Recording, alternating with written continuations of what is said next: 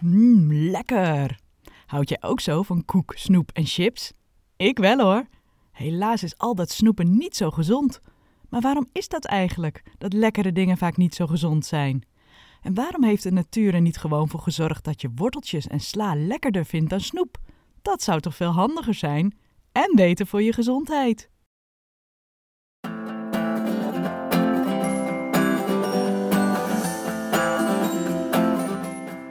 Je luistert naar een nieuwe aflevering van Waarom zijn bananen krom?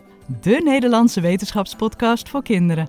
Mijn naam is Esther Walraven, ik ben wetenschapper en schrijfster van de superleuke Waarom boeken, waarin wetenschappelijke onderwerpen eenvoudig en grappig worden uitgelegd. In deze podcast krijg je in elke aflevering antwoord op een boeiende vraag. Dus zet je koptelefoon op en ga met die banaan. Vandaag hebben we het over de vraag waarom het zo moeilijk is om van snoep en chips af te blijven. Als je er eenmaal aan begonnen bent, kun je bijna niet meer stoppen met eten. Weet je hoe dat komt? Dat heb je geleerd van je voorouders. Heel vroeger moesten mensen jagen en verzamelen om aan eten te komen.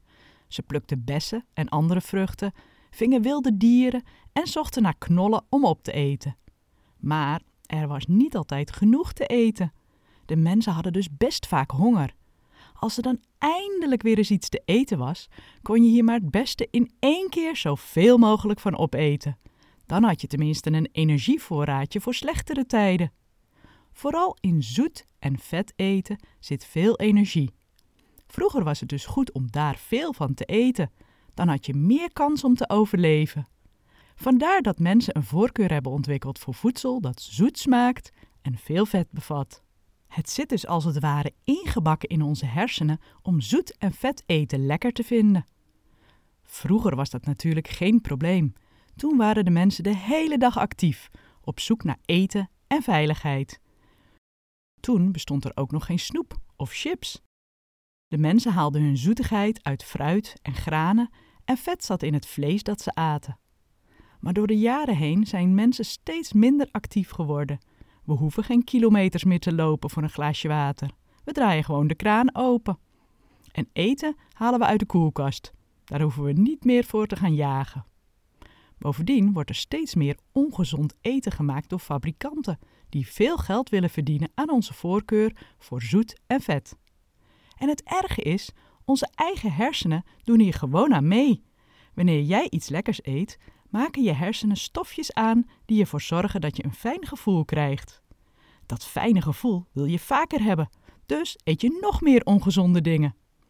Zo komt het ook dat de meeste mensen door willen gaan met eten van iets lekkers. Voor onze voorouders was dat geen probleem. Die hadden alle energie nodig om te overleven in slechtere tijden. Maar tegenwoordig hoeven we geen voorraadje vet meer op te bouwen, want er is altijd iets te eten.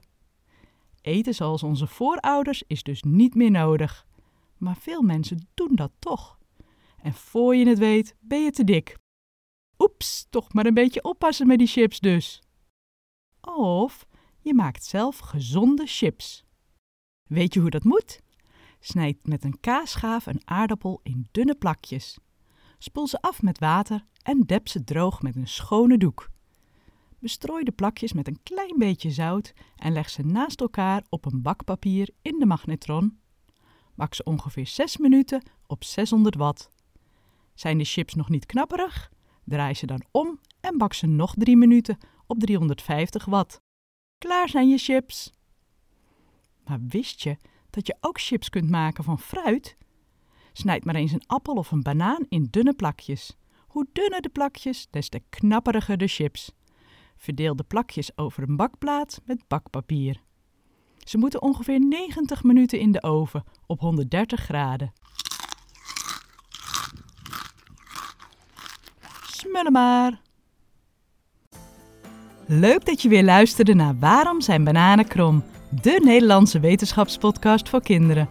Vond je het leuk om te luisteren? Abonneer je dan op deze podcast, zodat je geen aflevering meer mist. Superleuk als je een review achterlaat.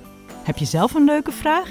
Laat het me weten via Insta of TikTok, Estewalraven, of stuur me een berichtje via estewalraven.nl. En ben je benieuwd geworden naar mijn boeken? Ren dan naar de boekhandel of de bibliotheek en ga snel lezen.